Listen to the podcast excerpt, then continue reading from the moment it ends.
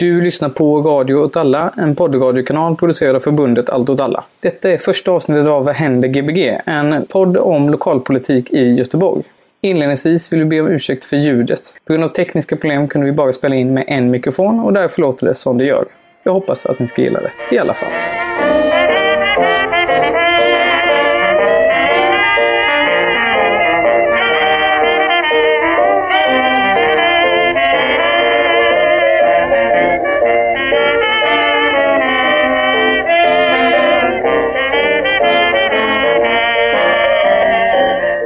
Hej! Du lyssnar på Vad händer Gbg? En podd producerad av Allt åt alla Göteborg. Jag heter Martin, med mig har jag Johannes. Hej. Och Johanna. Hej! Vad är det här för podd? Ja, det här är alla Göteborgs lokalpodd där vi tar upp lokala frågor. Och just den här veckan så har det varit budgetdebatt och därför är det ämnet för dagen. Det är en budgetspecial idag kan man säga. Vi spelar in det här på söndagen den 8 november. Och i torsdags den 5 november så hade vi en debatt i kommunfullmäktige om de nya budgetförslagen. Och ett budgetbeslut vad som gick igenom. Det var Alliansens förslag som gick igenom. Vi har, vi har en, en budget som gick igenom nu och som gick igenom förra året. Som kommer från ett, ett block som bara har en, som inte har en majoritet i fullmäktige. Så då undrar jag, hur kommer det sig? Vem är det som, som bestämmer i kommunen egentligen? Alltså formellt sett kan man säga att det är Alliansen som bestämmer. Men de samlar inte ens 30% av mandaten i kommunfullmäktige. De har 24 av 81 mandat i kommunfullmäktige. Och anledningen för det är så, det är, det är lite speciell situation då i Göteborg. Men det, man kan väl säga efter valet 2018 var det ju kaos i förhandlingar både på nationell nivå och i många kommuner. Av vilka som skulle styra i de olika kommunerna. Och det flesta ställen berodde ju på att Sverigedemokraterna har blivit så stora att ingen av de traditionella blocken, alltså varken Alliansen eller de rödgröna partierna, kunde bilda majoritet. Men i Göteborg så var det ganska liknande men det var inte SD som gjorde att, som blev stora och tog bort eh, blockens majoritet. Utan det var ett nytt parti som hette Demokraterna. Ett lokalparti. De bildades innan 2018 kan man säga. I motstånd mot Västlänken.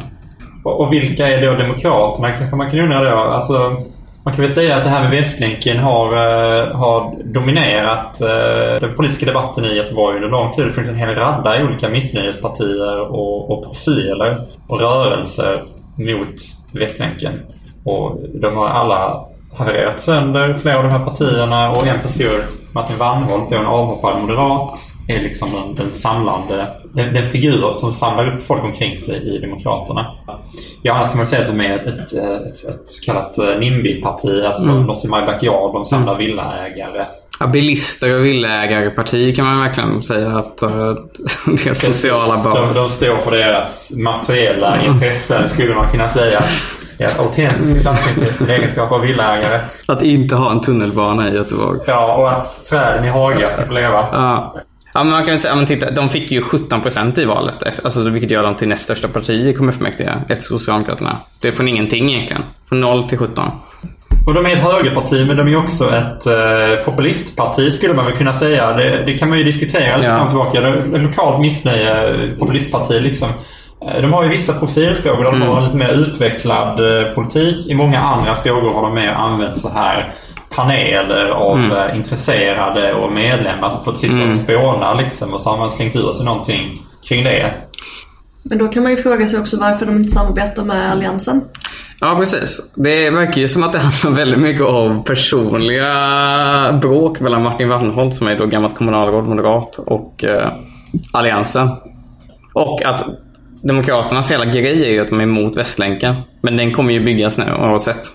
Så de har, jag tror att deras, eh, det ligger i deras intresse att inte gå in i Alliansen. För i så fall skulle hela deras profil som eh, borgerligt missnöjesparti försvinna tror jag. För de pratar ju väldigt mycket om välfärdsfrågor och sånt. Men i praktiken, till läser man deras budget, då är inte det så att de är de mest eh, intresserade av att investera i de olika nämnderna och sånt. Detta ledde i alla fall till att inget av de traditionella blocken samlar majoritet. Och Samtidigt som detta händer så bestämmer sig Socialdemokraterna för att bryta samarbetet med de rödgrön-rosa partierna, alltså Vänsterpartiet, Miljöpartiet och Feministiskt initiativ i Göteborg. De verkar ju som att de försöker bilda någon typ av styre tillsammans med Centern och Liberalerna. Centern och Liberalerna vill inte samarbeta med Socialdemokraterna. Så sossarna helt plötsligt står utanför något som helst politiskt samarbete. Så inför eh, budgeten skulle läggas 2018 för 2019 så går Alliansen och de rödgrönrosa partierna ihop och gör någon form av teknisk samverkan som säger att de partier som samlar mest stöd för sin budget får regera. Och det är väl för rödgrönrosa partierna försöker då tvinga eller pressa fram Socialdemokraterna att samarbeta med de rödgrönrosa partierna. För i så fall skulle de samla flest röster i kommunfullmäktige. Men Socialdemokraterna vägrar fortfarande. Vilket gör att Alliansen är de som har flest mandat för en budget. För varken Socialdemokraterna eller Demokraterna eh, vill samarbeta med någon av de andra partierna i kommunfullmäktige. Så detta har gjort att Alliansen med 24 av 81 mandat lyckas år efter år få igenom en budget. Och Socialdemokraterna säger att det är rödgrönrossas fel. Och de rödgrönrossa säger att det är Socialdemokraternas fel att det blev så, på det här sättet. Och det innebär väl också att i Göteborg så är det inte sossarna som är i opposition utan det är de rödgrönrosa. Vilket betyder att de har eh, alla andra vice Ja, ordförandeposter i nämnderna och så. precis. Den största, eh, största oppositionen då är ju rödgrönrossa som har gått ihop och då får de mer stöd i kommunfullmäktige än Socialdemokraterna, eller Demokraterna. Och eh, det verkar som att Socialdemokraterna och Demokraterna är framförallt de som Ja. har närmat sig varandra under den här resan då. Man får ju intrycket av att soffan, alltså Ann-Sofie Hermansson och Wannholt fann varandra Mm. i sin eh, på något sätt degenererade form av socialdemokrati och moderat politik. Ja, men de, de har ju lite gemensamma... Det man brukar prata om är väl att, att det under väldigt lång tid varit väldigt frostiga relationer mellan, mellan Socialdemokraternas ledning i Folkets hus och de som sitter i fullmäktige. Eh, och någonstans att, att soffan fick gå handlar väl mycket om det, liksom, om sossarnas interna konflikter. Det är samma sak med eh, Wannholt. Han eh, har eh, brutit mot partilinjen eh, i Moderaterna och det, det är väl någonstans därför han inte är moderat längre. Eh, och han lyckades liksom kuppa in sig, skulle väl kanske vissa mena, genom att samarbeta med Vägvalet 2014. Så det, Och vägvalet är alltså Vägvalet är ett, ett annat tidigare anti-Västlänken-parti. Eh, som jag tror inte finns längre. När de åkte ut i valet 2018, nu när Demokraterna tog hela deras eh, väljarandel i princip. Tillsammans med Moderaternas och eh, Miljöpartiet verkar de också ha tagit. En hel del. På grund av att miljö, miljörörelsen har också varit emot Västlänken. Framförallt på grund av träden i Haga. kan man säga då. För det är, man ska bygga en station i Haga som innebär att man kommer riva, eh, riva massa gamla träd. Men det är väl också en stor del av Västlänksprojektet som går ut också på att underlätta för eh, biltrafiken. Styra om hela trafiken. Alltså jag tror att man måste besöka Göteborg lite för att förstå omfattningen av Västlänken. För det framstår ju lite som att eh, göteborgarna har blivit galna över eh, järnvägsprojekt liksom. Men det är något st- stort infrastrukturprojekt som påverkar hela centrala Göteborg. Som kostar jättemycket pengar. Och jag tror att eh, innan 2018 så var det demonstrationer där liksom hela Askim i princip eh, samlades på gatorna. Det fanns en falsk siffra tror jag om att man var så här, jag vet inte, 30 000 arga gubbar vid något tillfälle. Men det, det, var inte så på riktigt? Eller? Jag, jag har inte sett 30 000 arga gubbar i centrala Göteborg men det var väldigt stora demonstrationer. Ja, och, och, och det finns ju också en massa saker man kan alltså, kritisera med Västlänken säkert också. Eller det kan man göra liksom. Till exempel, det är ju ett projekt som först och främst har utarbetats av näringslivet. Uh, intressen liksom. Var stationerna ska ligga och varför de ska ligga där de ligger och så vidare. Det är ju inte det är ju på massa sätt inte demokratiskt förankrat liksom. Nej I- precis, det var ju också en folkomröstning. Ja, ja. eh, där faktiskt eh, göteborgarna röstade mot Västlänken och ändå så genomförde man det. Och detta har då lett till att Alliansens budget återigen har röstats igenom. Och eh, har vi någonting att säga om den här budgeten? Eller om debatten som var i torsdags? Jag tänkte vi kanske först ska prata lite om vad, vad, vad, vad är det här för budgetar? Vad är det, vad är det, för, vad är det för pengar och, och innebär det större satsningar eller nedskärningar? Eller, alltså vilken typ av budget är det som gått igenom? Man kan väl säga så här att alla satsar mycket, mycket mer än vad de brukar göra i budgeterna på grund av coronapandemin. Det är som att de försöker förbereda sig lite på man har en keynesiansk eh, inställning verkar det vara lite. Att nu ska vi investera pengar i alla nämnder i princip. Eh, I de flesta nämnder och de flesta verksamheter för att på något sätt motarbeta pandemin. Samtidigt så är det där lite slukt för Alliansen till exempel. De har ju haft som inställning i sina budgetar att spara, spara, spara. Man har haft år efter år har man haft 2% eh, sparkrav i Göteborg. Vilket innebär att en del av pengarna ska inte gå till någon som helst verksamhet utan ska bara sparas. Och i år har man satt den budgeten, har man satt det sparkravet på 0%. Så då tänker man, okej, okay, men nu ska alla pengar gå till verksamheterna. Tänker man då. Fantastiskt, jättebra. Men, och nu kommer vi till eh, lilla kruxet här. I varje kommunbudget varje år så gör man något som kallas en uppräkningsfaktor. Som är att kostnaderna för alla verksamheter som sker i kommunen ökar ju.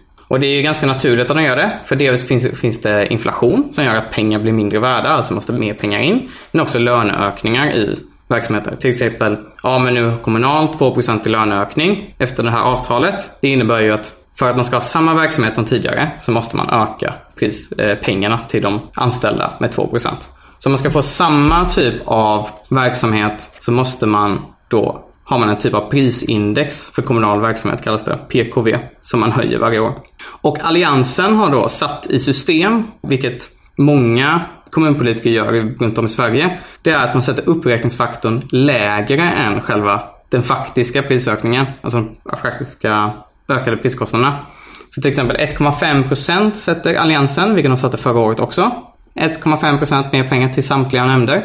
Men enligt Sveriges kommuner och regioner så kommer den årliga ökningen generellt sett för kommunerna vara på 1,7%. Och då tänker man det är bara 0,2% men i praktiken innebär det en nedskärning då på 0,2%. Så om vi har då till exempel 100 miljoner kronor.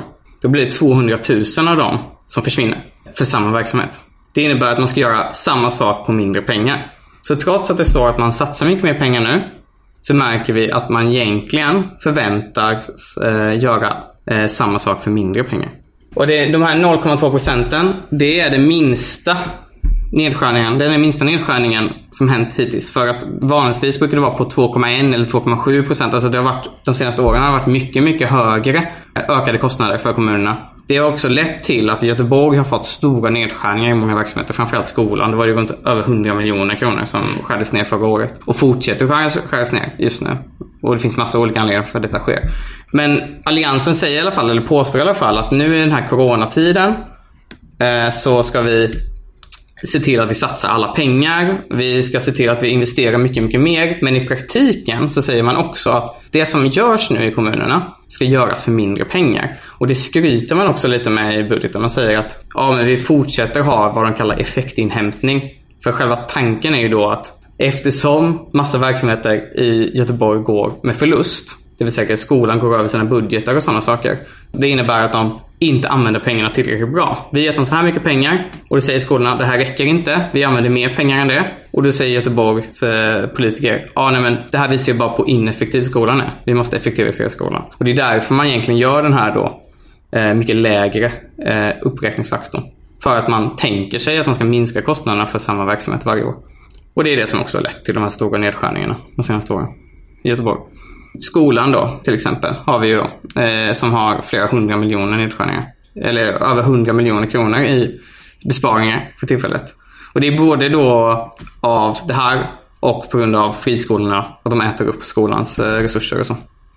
Och vi ser också att till exempel att Kommunal de har en löneökning på 2% men man ger 1,5% i ökningar till varje nämnd.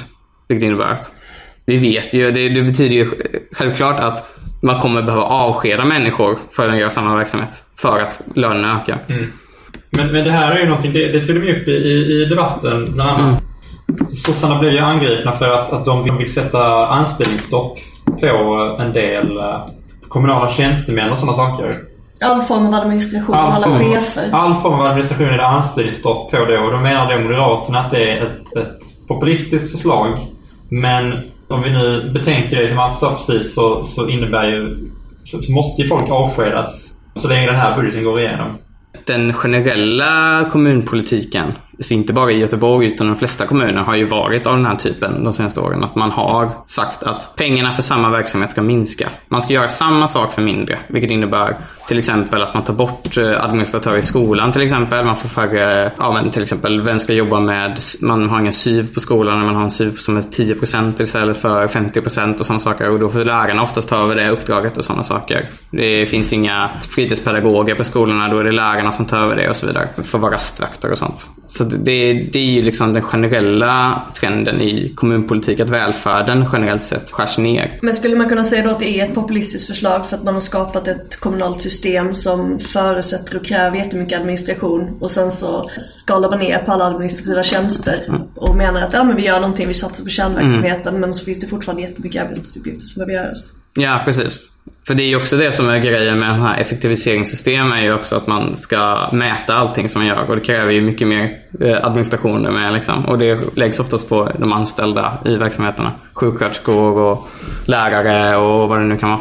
Ja, om man, om man tittar på Alliansens budget också så följs ju varje nämnd förslag av eh, en samling indikation, indikatorer då som ska mäta eh, den kommunala verksamheten utefter, ja, klassisk New Public Management strategi liksom.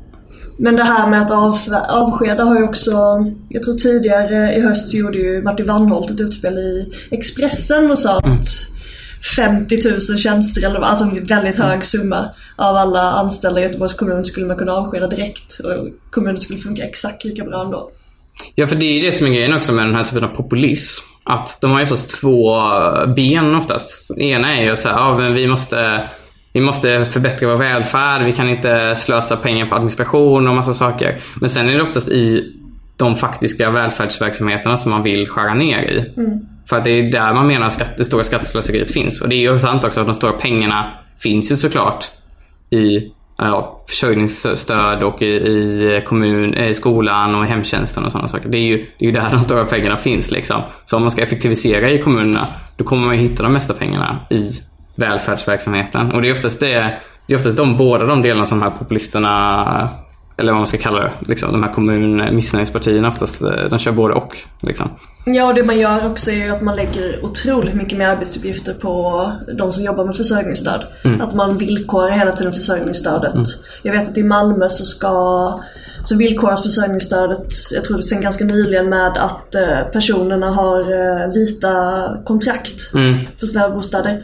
Och då betyder det ju att de som redan har extremt hög arbetsbelastning som jobbar med försörjningsstöd måste sitta och kontrollera kontrakt. Mm. Och så fortsätter man lägga mer och mer uppgifter liksom, så att socialtjänst blir någon form av kontrollverksamhet för alla populistiska förslag. Och det, det förslaget har ju också gått igenom nu i Göteborg också. Nu har vi pratat om eh, finansieringen men var får de här eh, politikerna sina pengar ifrån? För vi pratar nu om Alliansen får sina pengar ifrån men vi har flera budgetförslag. Vad är det som skiljer dem åt, Johannes? De rödgrönrosa vill såklart ha en, eller ja såklart, de vill, de vill öka den, den kommunala skatten med 40 öre är det väl.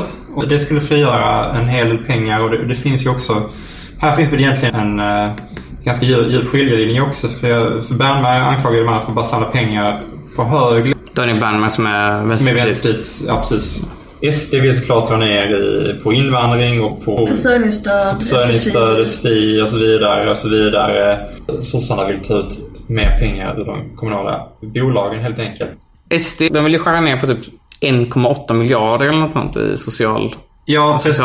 Skillnaderna mm. innebär ju såklart att en massa olika saker kommer antingen försvinna eller funka ungefär lika bra som de gör. Och även om det, det är saker som man inte gärna skyltar med utåt så säger det någonstans den, den konkreta sanningen om vad man vill någonstans. Och om vi tänker då på SD då som gärna, gärna vill prata om välfärdssatsningar, satsningar på skolan och så vidare och så vidare. Så är det klassisk högerpolitik, spara på allt. Man kan ju säga att SD framförallt på kommunal nivå verkligen kör eh, höger. Alltså inte bara då höger i det vi kallar så kultur och sociala frågor utan också i ekonomiska frågor. De kritiserar ju även Alliansen för att spendera för mycket pengar nu under coronapandemin och så vidare. De kör stenhårt på nu måste vi spara pengar, vi kan inte ta ut pengar från bolagen eller sådana saker. Ja, och det, det är väl lite samma med Demokraterna ja, också. Ja. Att även, även de kör också den här hårdare högerpolitiken. Det, men det ska man inte heller... Det kan man väl också säga det att, att eh, Alliansen har anpassat sig också i viss mån eftersom just eftersom de är i minoritet så måste de också anpassa sig lite grann för att kunna få igenom saker och därför så har de, de hade säkert också sparat in, sparat in ännu, ännu mm. mer om det inte vore för att det finns den här eh, speciella situationen i, eh, i, i Göteborg. Mm. Att de är en minoritet helt enkelt. Vilket öppnar upp då för att kritiseras från höger ganska mycket. Och då är det ju intressant också att sossarna föredrar att samarbeta med, de, med Demokraterna med deras hårdare besparingskrav än med ja, någon annan. En med rödgrön-rosa då, Ja, som man tänker sig att de skulle egentligen ha mer. Föreställer man sig i alla fall, på deras retorik, att de skulle ha mer gemensamt med politiskt. Skillnaden mellan Alliansens och Sverigedemokraternas satsningar på grundskolan till exempel är 441 miljoner kronor. Så att Alliansen satsar på alltså, över 440 miljoner mer än Sverigedemokraterna på skolan. Exempelvis. Och likadant skillnaden mellan Alliansen och Sverigedemokraterna på socialt den är 1,8 miljarder. Så de, Sverigedemokraterna har ju en riktig nedskärningsbudget på många sätt. I framförallt de stora sociala verksamheterna. Och de satsar inte heller särskilt mycket på funktionsnedsatta och sådana saker. Där skär de också ner på 440 miljoner kronor. De, för, de pratar ju ibland att de skulle vara ett socialt borgerligt parti. Liksom. Men tittar vi på den här budgeten så är det ju verkligen nedskärningar framförallt riktade mot fattiga och funktionsnedsatta och barn. Eh, ytterligare en punkt som de pratar om i den här budgeten är ju frågan om att vi ska minska de utsatta områdena i Göteborg. Det, det finns ju, som sagt, många av de här budgetarna och anföranden också handlar också om så här. Ja, men de kriminella tar över och vägspärr och så vidare och, och sprängningar i länsmansgården. Tre Moderaterna nämnde till exempel. Så då, då tänker man att situationen är ju uppenbarligen väldigt, väldigt allvarlig i analysen som alla partier gör. Så då, då kan man fråga sig, vad är det då som är lösningen då? En sak man pekar på är ju till exempel står så här i, i Alliansens budget. Göteborg har flest särskilt utsatta områden i hela landet och omfattande utmaningar med segregation, gängbrottslighet och ojämlika livsvillkor.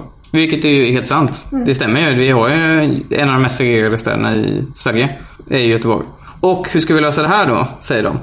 Jo, vi måste ha mer blandade områden, mer integrerade områden.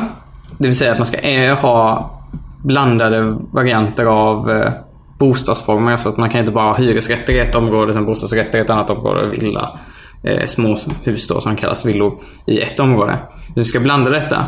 Men i praktiken så har det inneburit att man har eh, sålt ut hyresrätter i många av områdena så de blir bostadsrätter. För att man ska då skapa en blandad stad. Så de som bor i de hyresrätterna, har, eller folk som behöver bo i hyresrätter, har svårare att bosätta sig i de här områdena då som ska vara mer, mindre segregerade. Eh, och framförallt tydligt i den här budgeten så har de ett förslag då att de ska göra om Biskopsgården till en trädgårdsstad.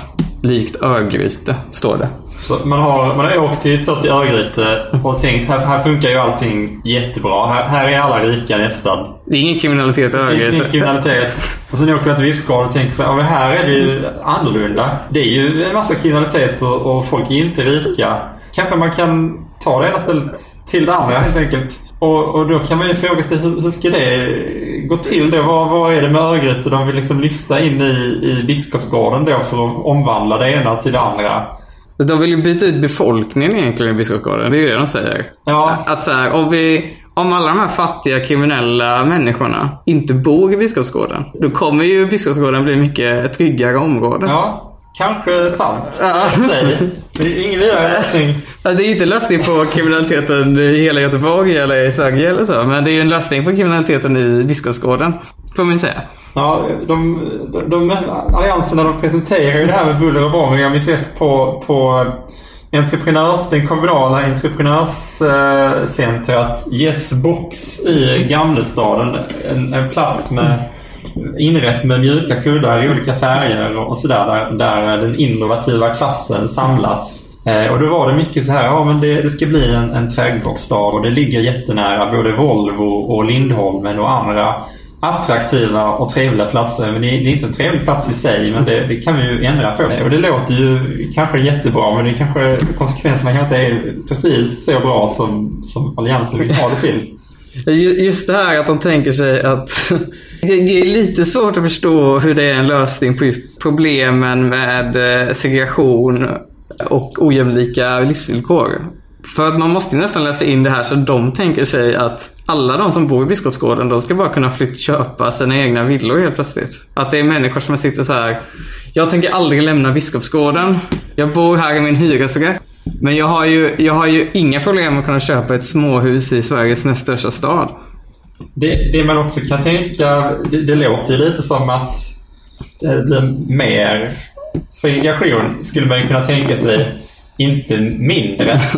Av att, Ja, men det kommer bli mer segregation i Biskopsgården. Men det kommer ju fortfarande vara, om man höjer eh, medellönen i Biskopsgården så kommer det inte se ut som att Jo men det Biskopsgården kommer ju är bara flytta lika... någon annan. Alltså det, som det man kan titta på på mönster också. Ja. Vilka ställen är det som är de utsatta områdena och i risk för att bli Mm. utsatta områden. Så, så är det ju faktiskt så att de utsatta områdena tenderar att vara ganska långt från centrum och de flyttas längre och längre bort. Och de områdena som har risk för att bli utsatta områden är områden som ligger längst ut i Göteborgs ytterområden. Mm. Till exempel Gårdsten är ett exempel på ett område som, Mm. som har, har ett riskområde för att bli ett utsatt område. Då kan man ju tänka sig då att den tendensen kommer förstärkas ännu mer i takt med att det segregeras och gentrifieras närmare centrum. Då. Det är ju den, det, är det som har hänt i Göteborg de senaste 20 åren också. Kan Ja, vi säga. Det, är, det här är ju inget nytt. Liksom. Eh, Kvillebäcken, eh, Gamlestaden var ju också tidigare och har såklart fortfarande de aspekterna. Eh, att man har haft mycket mer kriminalitet än i andra områden. Hur löser vi det? Jo, vi ser till att det blir för dyrt att bo i de här områdena så man måste flytta någon annanstans. Och vi får byta ut befolkningen. Och det liksom ses som någon form av så här framgångssaga. Och kolla hur mycket kriminalitet vi har minskat på Hisingen eller på Kville, i Kvillebäcken. Kolla hur mycket kriminalitet vi minskade i Gamlestaden. Bara, men ni, ni bytte ju ut alla människor liksom, så det är inte så konstigt. Men de här gam, men tidigare människorna finns ju fortfarande kvar liksom. Och de måste ju också ha någonstans att ta vägen. Man gör det ju helt enkelt bara svårare för när de flesta människor bor i den här stan. Flyttar ut människor längre och längre ut från centrum. Vi har ju pratat väldigt mycket om budgeten. Ja. Eh, vad innehåller så.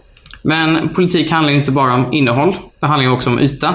Och då har vi ju politikerna som är, får man säga, representerar den här ytan. Vilka är de bästa politikerna i Göteborg? Utefter vi har sett nu på debatten och liknande. Ja, det man kan säga, Wannholt var ju kanske inte jätteentusiasmerande just den här budgetdebatten. Man får ju säga att han är ju liksom en, en folktribun för en väldigt, en ganska smal men viktig demografi i stan. Och jag tänker att, att det, på det sättet är ju han bäst. Han bär upp någonting själv med sin egen, egen persona i eh, vått och torrt. Man ser att han kör bil till jobbet. Precis. Och han bor i villa. Och han gillar Haga. Ja, och han är en sån, han är en sån eh, villaborgare som liksom gillar Let's Dance också kan man känna. Ja, precis. Han, eh, han har inte så mycket för uh, operahuset liksom. Nej. Vi handlar både. Frå- Frågan är ju vem som är, alltså om man tänker till exempel Sverigedemokraternas budget har ju en väldigt, eh, den har ju ett tilltal som ändå riktar sig mot någon som inte är eh, tillhör någon av de andra partierna utan det tillhör ju, det till, ska ju tilltala då sverigedemokratiska väljare. Men frågan är hur många sverigedemokratiska väljare, eller överhuvudtaget väljare som sätter sig och läser budgeterna. De, är ju, de snittar ju liksom 120 sidor var. Ja, men till exempel lägg till stoppa att eh, antidiskrimineringsarbetet ska också inriktas på svenskfientligheten. Mm. Då har vi ett sånt exempel. Det är ju ingen annan än, än, än, än, än Sverigedemokraterna som tycker det är... Nej men precis, men varför, varför? Det är ju intressant hur man, för på något sätt så är ju budgeten ett sätt att formulera sin politik för det kommande året. Den är ju, de är, det är därför de är så, så långa och liksom välunderbyggda. Men det är också vem, vem riktar man sig till? Sverigedemokraternas eh, budget är ju helt och hållet, eh, det bygger helt och hållet på att en sverigedemokratisk väljare ska sitta och skrocka gott liksom när, när Fågelklo eh, skriver om vithetsstudier, vilket mig veterligen inte heller är en del av det kommunala eh, systemet. Och den slutar med en stor lista med saker de inte gillar, varav vissa saker är versaler. Vi, vi stöttar inte droghandel, jubileumsparken, men den typen av liksom De, ja precis, Sverigedemokraterna går ju väldigt hårt ut och säger, väldigt modigt tycker jag, att gå ut och säga att de är emot eh, droghandel i stan. Mm. Och det får man säga, det är inte de andra partierna. Så Ja, det de- är inte alls någonting om de tycker att droghandel är bra eller dåligt. Nej, det, det är ju väldigt stor brist med de andra. Vad tycker de egentligen om droghandel och vithetsstudier? Och, och det här också att de skriver eh, liksom väldigt målande om kriminaliteten i Göteborg. För det har ju blivit en fixering för eh, borgerligheten nu att liksom eh, gotta ner sig i förnedringsbrottslighet och skriver Fågelklå att våldet är närvarande i gängen. Det är sist in först ut, eller ska jag säga SIFU? Va? Som att det är en vedertagen förkortning som alla vet vad det är. Vilket också är konstigt för det sist in först ut är väl egentligen grunden för LAS. Ja. Jag vet inte riktigt om man försöker göra någon slags blinkning till eh, arbetstrygghet där. Nej men absolut, SDs budget är väl absolut den som, som är mest innehåller mest målande språk och sådär. Men det är väl också för att de kan kosta på sig och prata om, om minaretsamhälle och, och stoppa böneutrop och, och, och sådana där saker. De har ju ändå ingen chans att få igenom sin... Alltså det, för de, de är väldigt långt borta från att vara de som sätter budgeten. Mm. Så då kan man ju kosta på sig och flippa ut mer både i tal och i, i sina dokument. SD är ju liksom ingen maktfaktor riktigt i Göteborg på något sätt. Jämfört med vad de är i många andra kommuner och så liksom. Och på riksplanet liksom. De är väldigt överskuggade skulle jag säga av Demokraterna. Liksom. Ja, men skulle man kunna säga att några av de andra partierna har gjort analysen att de har förlorat väljare till SD ändå? Eller vilka är det Demokraterna som är helt och hållet den rollen i kommunalpolitiken i Göteborg? Att de andra partierna försöker anpassa sig för att få tillbaka väljare? Jag tror att Demokraterna har väl lyckats bygga en mycket större koalition av, alltså det vill stå bara upprörda göteborgare i mycket större utsträckning, villabor i större utsträckning. Alltså man, man kan rösta på Demokraterna utan att vara hardline rasist. För Sverigedemokraterna i Göteborg är ju också, man kan väl säga en del av högerfalangen i Sverigedemokraterna också. Ja, Ja, absolut. Jörgen Fågelklo då, som vi nämnde här, som är gruppledaren i Sverigedemokraterna. Han är ju bland annat känd för sitt Flashback-konto Afghan. Där han har skrivit många eh, nedsättande uttryck mot eh, svarta människor och judar och liknande. Liksom. ja, han är ju inte en sån person som man skulle kunna tänka sig skulle få en ministerpost. Nej. Om SD får makten 2022. Han är också, det är väldigt roligt med Jörgen Fågelklo tycker jag, för att han är ju bara en haverist. Alltså han har lyckats, just genom att han har eh, Sverigedemokraterna som plattform, så har han lyckats bli en sån riktig så bara rättshaverist i Sveriges näst största kommun. Det tycker jag man får ge honom. Att han, han börjar den här debatten med att snacka om Alltså jättelångt anförande. Hur upprörd han var att han inte fick ha den här köra, ehm, fick inte fick eh, debattera och votera digitalt. I en, alltså, i en typ Zoom eller någonting sånt. Och att han beskrev det som att hela den här debatten är som en stor chimär. Och utan ens ett andetag så börjar han så att säga Kriminaliteten i Göteborg har ökat jättemycket. Liksom att han, han har inte ens en paus mellan eh, sin rättshaverism och sin politik. Liksom. Men allting hänger väl ihop för honom. Alltså de har en hel sida där de, de räknar upp olika saker de inte tycker Ja, man ska satsa på. Och det är allting från, eh, från att man inte ska eh, prioritera eh, kamelfarmar, SFI-dagis, trafikkaos, bilfria söndagar, klansamhällen. Inte för att någon annan, något annat parti mig veterligen lägger pengar på klansamhällen. Kommunala bolag, nöjesresor för tjänstemän. Alltså det är den här idén om att det helt enkelt är så bara att de andra är elaka och vill eh, bara lägga pengar på trams. Och så spelar det liksom ingen roll vad det är för trams.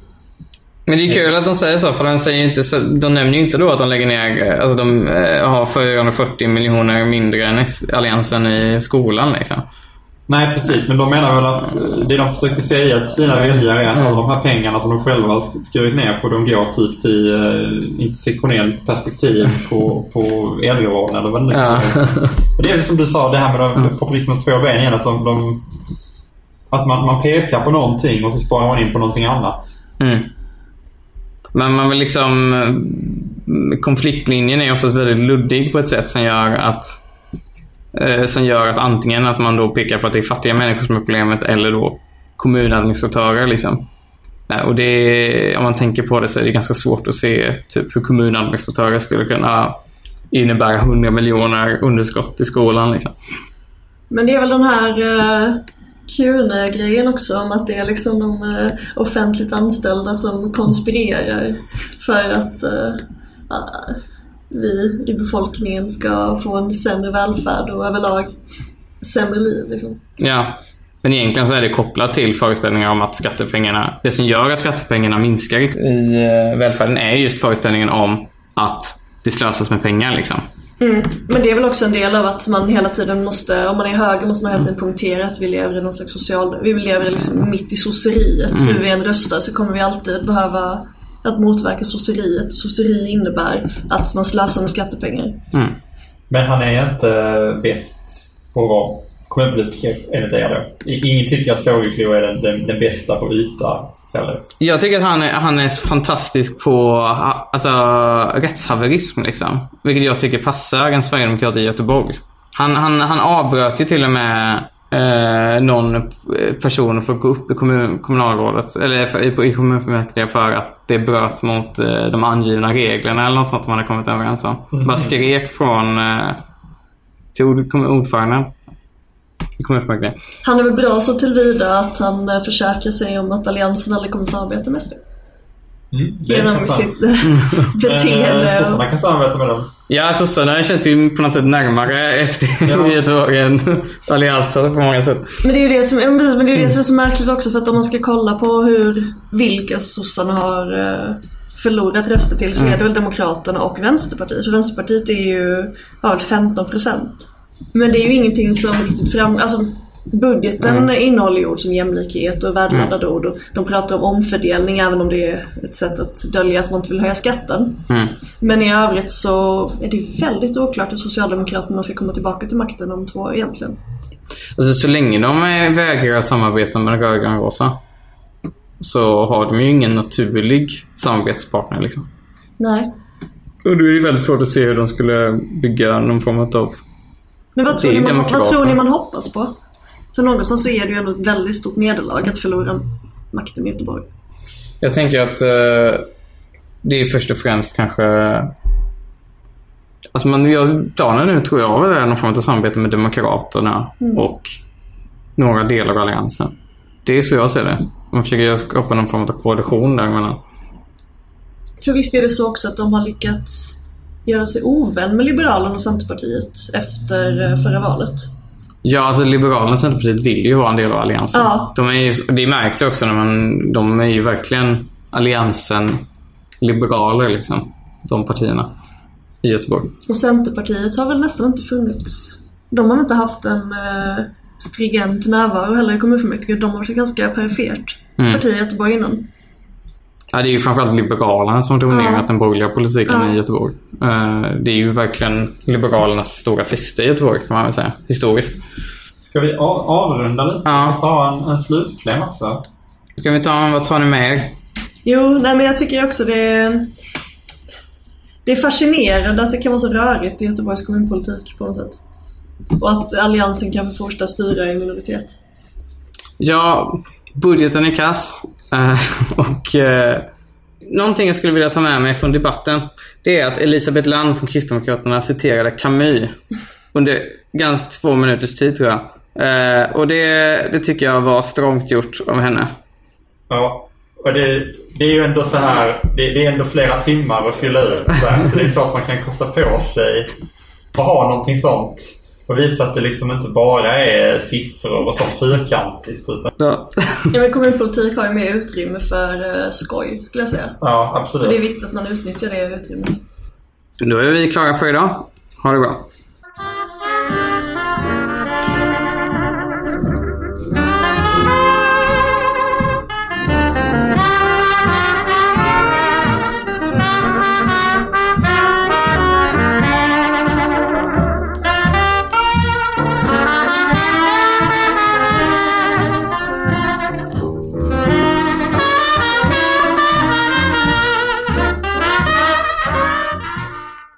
Man kan inte lova allt till alla.